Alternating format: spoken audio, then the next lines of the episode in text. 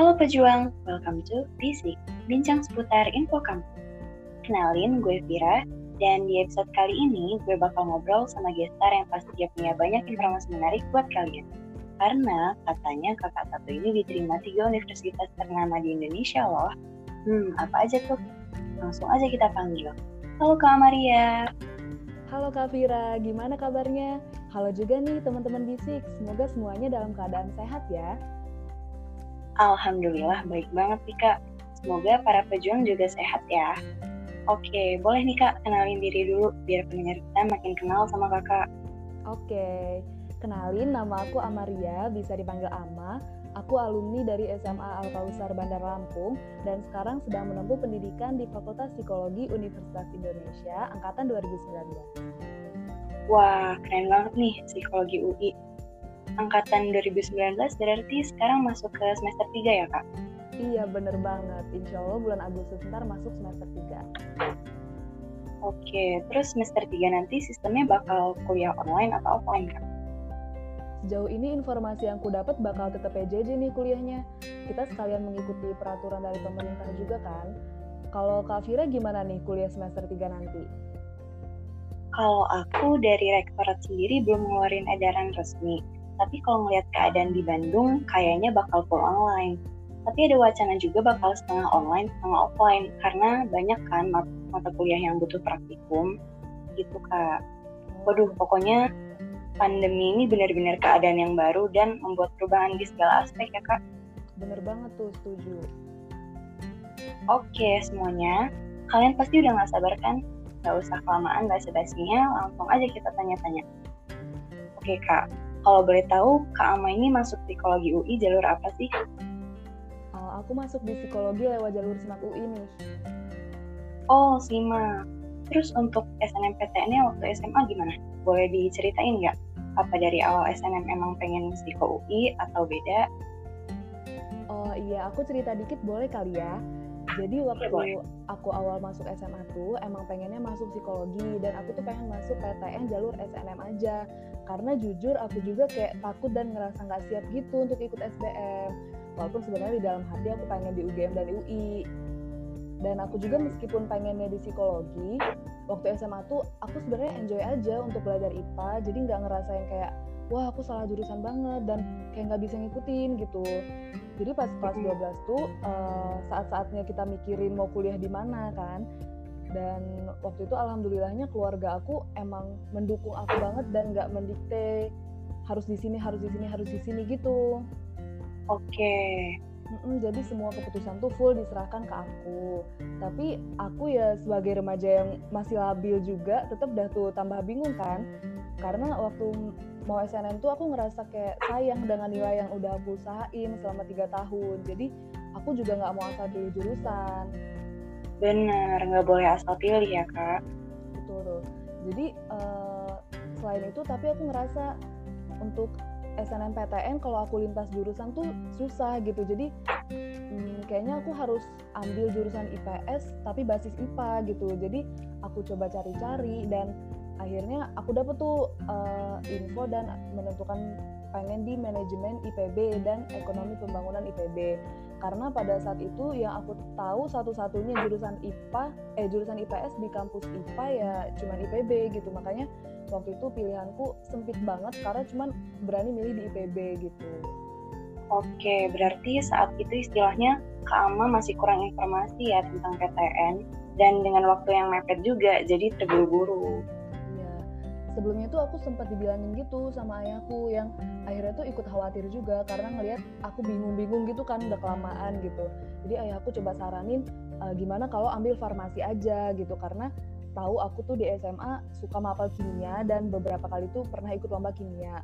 Tapi waktu itu aku bilang ke ayahku kayaknya aku nggak mau ngambil itu karena aku rasa passionku bukan di situ gitu. Jadinya hmm. aku ngobrol tuh diskusi sama keluarga dan akhirnya disetujui deh ya udah kamu coba ambil pilihan di IPB yang tadi. Tapi gak berhenti di situ. Jadi beberapa waktu sebelum daftar SNM tuh ternyata tuh ada temen aku yang mau ambil jurusan yang sama persis dengan yang aku pengenin gitu pilihan-pilihannya dan nilai dia di atas aku gitu jadi aku merasa wah sangat beresiko kan kalau aku tetap maksa aku gitu terus karena ada situasi yang nggak disangka-sangka dan kayak tiba-tiba aku harus ganti pilihan jurusan yang di mana pilihannya itu sempit gitu loh karena yang aku tadi bilang aku cuma terfokus di IPB doang kan. Jadi aku kayak mulai bingung lagi kayak awal lagi nggak tahu mau ngambil apa gitu kan. Aku coba cari-cari ada tuh jurusan ekonomi syariah di IPB juga. Tapi waktu itu aku tahu ada temen aku yang emang pengen di Eksyar itu dari zaman dia kelas 10 gitu. Dan oh. aku ya karena aku tahu rasanya gimana ya kalau kita bingung kalau jurusan kita ternyata sama dengan teman kita jadi aku nggak pengen dia juga ngerasain apa yang aku rasain gitu. Jadi waktu itu aku uh, ya udah nggak apa-apa deh biar teman aku aja yang ambil eksyar akhirnya aku uh, coba untuk milih pilihan yang lain gitu dan pada saat itu aku emang udah berpikir yang ah mungkin emang takdir aku bukan di jurusan soshum gitu. Yaudah deh aku ambil jurusan IPA juga nggak apa-apa. Mungkin emang rezeki aku di sana gitu. Kalau nggak diterima ya aku harus kejar tuh berarti kan psikologi di SBM gitu. Jadi pada saat itu berusaha untuk uh, mengikhlaskan dan tawakal aja gitu. Dengan akhirnya aku pilih jurusan teknologi pangan IPB dan agribisnis IPB yang notabene-nya tuh IPA banget kan. Jadi aku uh, mempersiapkan diri kalau misalnya nggak diterima di situ, ya udah nggak apa-apa berarti uh, Allah bilang aku bukan di situ dan begitu sebaliknya gitu. Pas di hari pengumuman SNMPTN, uh, ya udah aku buka pengumumannya dan ternyata aku nggak lolos di SNMPTN. Wah, Berarti keputusan akhir SNM-nya tadi tuh daftar teknologi pangan IPB dan agribisnis IPB ya kak? Tapi emang fase-fase akhir SMA tuh banyak banget drama dari mulai jadi PTN, kayak hatinya tuh masih dibawa balikin sama Allah. Nah pas udah yakin, eh ternyata pilihannya sama kayak temen, jadi sedikit berselisih gitu. Tapi dari orang tua untungnya nggak ada paksaan sama sekali ya kak? Iya benar. Sip banget. Oke, terus setelah gagal nih di SNM, apa yang kakak lakukan? Wah, tentunya sih setelah lihat pengumuman SNM dan muncul warna merah tuh ya, pasti sempet dong yang namanya down gitu kan. Aku inget banget mm -hmm. waktu itu aku melewati fase-fase kayak bingung mau ngapain gitu, belajar juga aku nggak serius-serius amat. Dan kayak itu tuh untungnya bertahan nggak nggak berlarut-larut juga sih kayak berapa hari gitulah maksimal seminggu kayaknya waktu itu seminggu deh karena aku alhamdulillahnya juga dibantu dengan teman-teman dan orang-orang di sekitar aku yang uh, nge-courage aku lagi gitu yang nyemangatin aku dan kayak bilang ayo kita bangkit sama-sama kita berjuang bareng lagi di SBM gitu. Jadi waktu itu aku uh, rasa ya ya udah memang aku harus melewati ini di hidup aku gitu. Masa kita nggak boleh nolak takdir kan dan kayak nggak bisa juga. Jadi waktu itu aku um, ya udah meyakinkan diri nggak apa-apa mulai lagi dari awal toh juga belum terlambat gitu kan Oke, berarti lanjut ke SBMPTN nih. Bisa ceritain nggak perjalanannya waktu SBMPTN? Kan lintas jurusan nih dari Saintek ke Soshum. Cara belajar kakak tuh gimana sih? Oh iya, buat para pejuang di sini, siapin notes dan pulpennya ya. Mari kita simak bersama-sama jangan dari Kak Amaria. Oke, nah untuk di persiapan SBM, mulai serius tuh kan aku belajarnya. Karena aku emang pengennya di psikologi doang dan aku tuh nggak tahu mau jurusan apa lagi sebenarnya selain itu yang emang aku pengenin banget gitu. Jadi usahaku waktu itu ya dengan sebisa mungkin aku ikut kelas IPS di tempat les aku. Karena waktu itu aku daftar les kelas 12-nya itu jurusan IPA jadi aku nggak bisa semudah itu untuk persiapan SBM tuh langsung pindah ke kelas IPS itu nggak bisa. Jadi uh, untuk sekedar minta kelas tambahan aja susah banget karena guru IPS-nya juga waktu itu nggak banyak dan nggak standby terus gitu. Jadi aku tuh lebih ke kayak curi-curi gitu. Kalau bisa masuk ke kelas IPS ya aku ikut belajar bareng mereka gitu. Kalau nggak bisa ya aku belajar bareng dengan teman-teman lintas jurusan aku atau aku tanya-tanya sama teman jurusan IPS aku gitu. Dan juga uh, selain aku berusaha untuk catch up di lembaga bimbel aku juga daftar les ekonomi gitu di bimbel sekolah aku. Karena waktu itu aku di pelajaran IPS kan aku mikir nih aku dari awal banget kan belajarnya maka setidaknya harus ada nih pelajaran yang difokusin dan diunggulin di situ biar bisa nyimbangin dengan anak yang emang dari SMA-nya belajar IPS gitu. Makanya aku milih ekonomi karena pernah sempat belajar sekilas waktu SMA dan aku tertarik di situ. Aku juga tanya-tanya dengan teman-teman yang jurusan IPS eh, katanya rata-rata tuh pada bilang kalau mata pelajaran ekonomi itu adalah mata pelajaran yang paling mereka hindari gitu. Jadi aku berusaha untuk boost banget di situ gitu. Oh gitu. Nah selain itu uh, aku ikut les MTK juga di bimbel privat gitu berdua sama teman aku yang saintek. Jadi waktu itu aku berdua sama teman aku tuh tiap minggu belajarnya matematika saintek dan soskum itu diselang-seling sebenarnya aku ngikut les matematika tuh karena uh, aku tahu nih uh, kayaknya aku harus lebih fokus ke matkul yang lain aja gitu ketimbang matematika gitu. Cuman waktu itu aku nggak pengen eh, nggak uh, ada usaha sama sekali gitu loh. Jadi aku pengen tetap ya udah selagi aku bisa ikut ya udah ikut dulu kayak gitu. Makanya akhirnya aku ikut les MTK itu. Dan selain itu aku juga sering tuh nanya-nanya dan belajar bareng dengan teman-teman sesama lintas jurusan aku teman-teman jurusan IPS dan teman-teman jurusan IPA juga yang hebat di IPS gitu.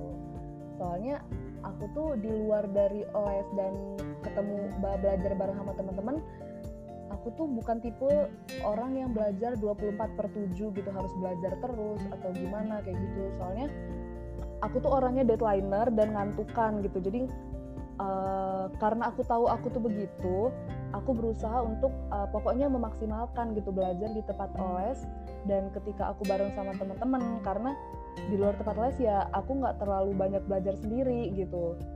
Tapi alhamdulillahnya di waktu yang nggak terlalu banyak itu aku belajar sendiri materinya bisa mudah dipahami gitu. Jadi aku baca sebentar kayak langsung nyambung gitu di otak gitu.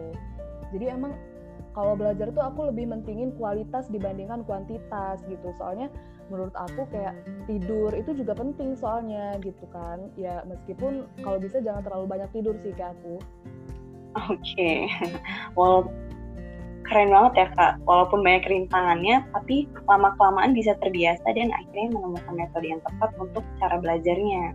Materinya bisa masuk ke otak tapi di waktu yang cukup sedikit kayak kata kakak tadi lebih mentingin kualitas daripada kuantitas. Bener banget. Oke lanjut lanjut. Nah pas daftar SBMPTN itu kan aku bingung lagi karena tahun lalu tuh kan kita udah tahu nih nilai UTBK-nya duluan baru kita daftar SBMPTN nah di situ tuh aku nggak pede dengan nilai aku untuk daftar di psikologi UGM karena ya kita tahu sendiri gitu kan pasti untuk kampus setingkat UGM pasti yang daftar tuh orang-orang yang pede dong dengan nilainya yang alias nilainya dirasa mencukupi buat masuk ke UGM benar. Nah di situ putar putar otak lagi kan aku mikir lagi karena aku tuh nggak mau banget ngambil UGM karena takut itu tadi yang aku bilang. Sampai kayak ayahku tuh greget sendiri gitu loh ngelihat kenapa aku nggak berani buat coba aja sih yang emang aku cita-citain gitu kan masukin aja nilainya kan nggak tahu gimana rezeki gitu. Tapi karena waktu itu aku di situasi yang belum diterima di mana-mana aku nggak mau nyanyiin kesempatan dengan istilahnya sok berani gitu daftar di tempat yang kita tahu sendiri gitu peluang kita di sana tuh kan kecil gitu. Oke. Okay.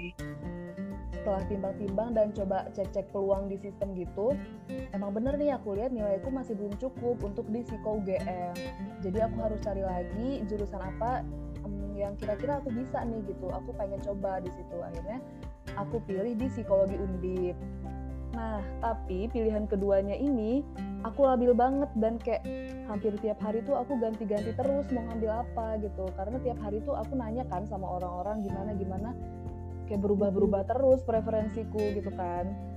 Dan akhirnya aku coba dipersempit lagi gitu deh karena aku nggak mau asal-asal milih kayak misalnya orang bilang ini bagus aku ambil ini gitu enggak akhirnya aku persempit hmm, aku pengen pilihan kedua ini ekonomi gitu. Bisa itu akuntansi manajemen atau ilmu ekonomi gitu kan. Nah pertama itu karena pertimbangannya karena aku di sosum paling suka belajar ekonomi gitu. Dan kedua tuh aku mikir kayak di SNM lagi gitu. Mungkin ya emang kalau aku diterimanya di ekonomi berarti bukan takdir aku di jurusan psikologi gitu. Jadi aku juga nggak mau memaksakan kehendak aku yang kayak psikologi psikologi banget gitu. Jadi kayak dua pilihan harus psikologi semua gitu enggak.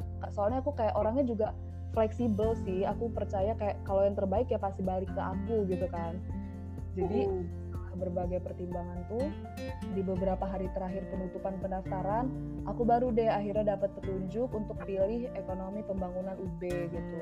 Jadi di SBMPTN aku pilih psikologi undip dan ekonomi pembangunan UB yang sebenarnya nekat juga sih waktu itu. Karena setelah daftar tuh deg-degannya makin menjadi-jadi ya karena aku lihat di transparansi peminat terbanyak gitu di universitas yang di ranking-rankingin itu itu aku lihat peringkat nomor satu tuh UB paling banyak peminatnya dan ketiga tuh UNDIP dari situ aku udah wah nggak tahu dah mau gimana. Cuman bisa deg-degan aja tapi ya sambil tawakal juga gitu kan. Karena aku masih berharap banget untuk lolos di SBM gitu. Karena jujur nggak siap banget kalau aku harus ikut mandiri gitu. Dan alhamdulillahnya waktu hari H pengumuman aku buka itu aku berhasil lolos di pilihan kedua yaitu di ekonomi pembangunan UB Hmm, berarti untuk SBMPTN daftarnya di psikologi UB dan ekonomi pembangunan UB ya kak? Iya. Terus aku penasaran nih, setelah dinyatakan lolos di ekonomi pembangunan UB lewat SBMPTN, kenapa kakak masih coba simak sama UTUL gitu? Ada alasan atau dorongan khusus kah atau gimana? Nah, jadi kemarin tuh setelah daftar SBM kan pendaftaran untuk ujian mandiri tuh udah dibuka juga ya.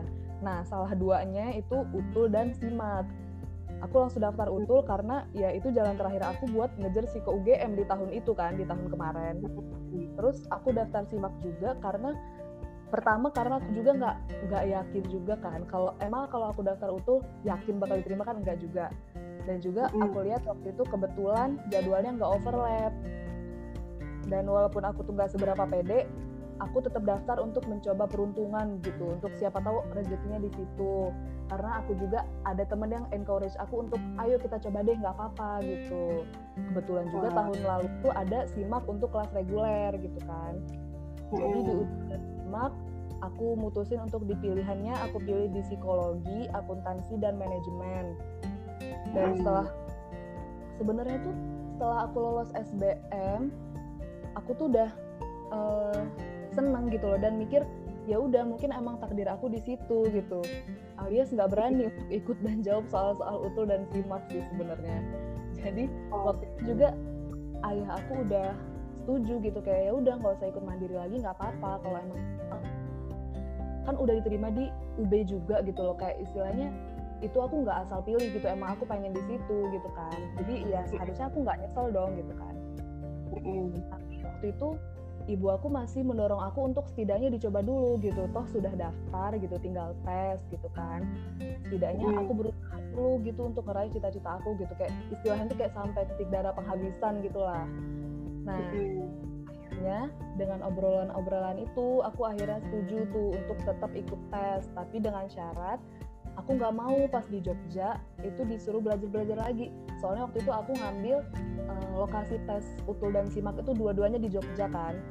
Aku bilang ke ibu aku ya udah mau ikut tes tapi aku nggak mau ya kalau disuruh belajar-belajar lagi gitu untuk tes itu. Karena kan syaratnya yang penting aku ikut tes gitu kan seiring berjalannya waktu tuh bener nih ibuku juga kayak sama sekali nggak pernah nyuruh aku belajar untuk tes gitu kayak dibiarin aja. Tapi ya aku juga mikir sendiri gitu kan udah usahanya udah dari daftar udah bayar biayanya udah berangkat ke Jogja udah ditemenin berapa hari di sana gitu. Masa kayak tes tes aja gitu seadanya. Iya harus tetap serius ya kak. Iya jadi aku mikir kenapa nggak sekalian aja gitu belajar dulu deh yang benar biar persiapannya juga nggak kosong-kosong amat gitu kan. Jadi di sela waktu antara pengumuman SBM ke tes utul dan simak itu aku pakai buat seriusin jawab-jawab soal tes dari tahun-tahun lalunya gitu. Soalnya aku tuh nggak pengen ada penyesalan-penyesalan dan kayak muncul kata-kata coba kalau begini coba kalau begitu gitu. Jadi selagi aku masih mampu ditambah dengan support luar biasa juga dari keluarga aku ya aku tetap pengen melakukan yang terbaik gitu Oke, nah tuh kita highlight ya. Seperti kata Kak Amaria tadi, jangan sampai ada penyesalan dan muncul kata-kata, coba dulu aku begini, begitu. Intinya kita tuh harus terus maju dan jangan ngerasa puas dulu. Kalau mimpi itu masih bisa dikejar, kenapa enggak gitu kan? Benar. Oke, lanjut lagi ya Kak. Setelah dinyatakan nih lolos di SIMAK dan UTUL, apa alasan kakak lebih milih psikologi UI dibandingkan psikologi UGM? Jadi sebenarnya kan aku tuh awal SMA pengen di psikologi UI tapi pas kelas 11 dan 12 tuh kelas 11 lah aku pikir-pikir lagi aku pertimbangin lagi.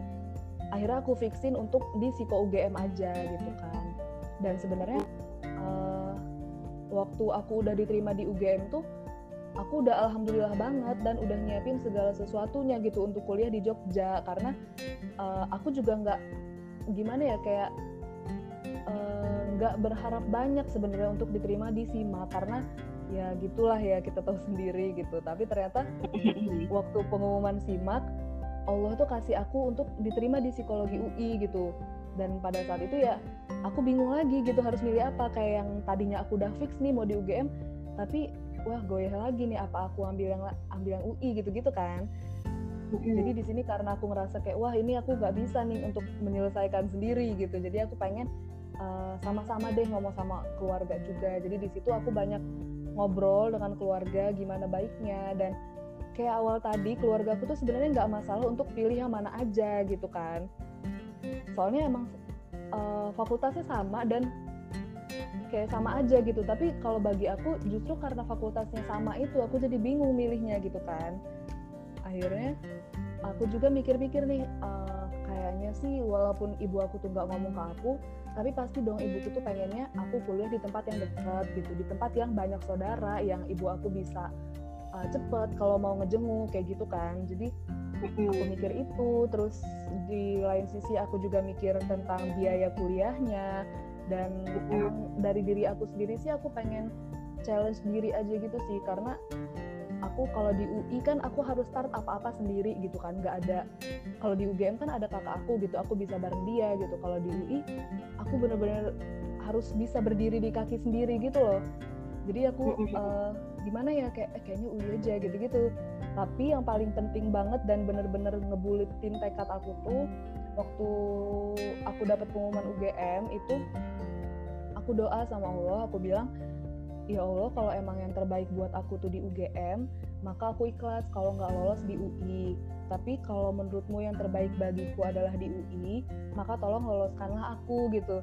Jadi karena waktu itu aku posisinya di lolos nih di UI ya udah aku uh, ngerasa kayak wah ya udah deh aku bulatin keputusan aja gitu untuk ambil di UI Wow, jadi gitu ya para pejuang kisah Kak Ama dan lika-likunya bisa sampai di psikologi UI.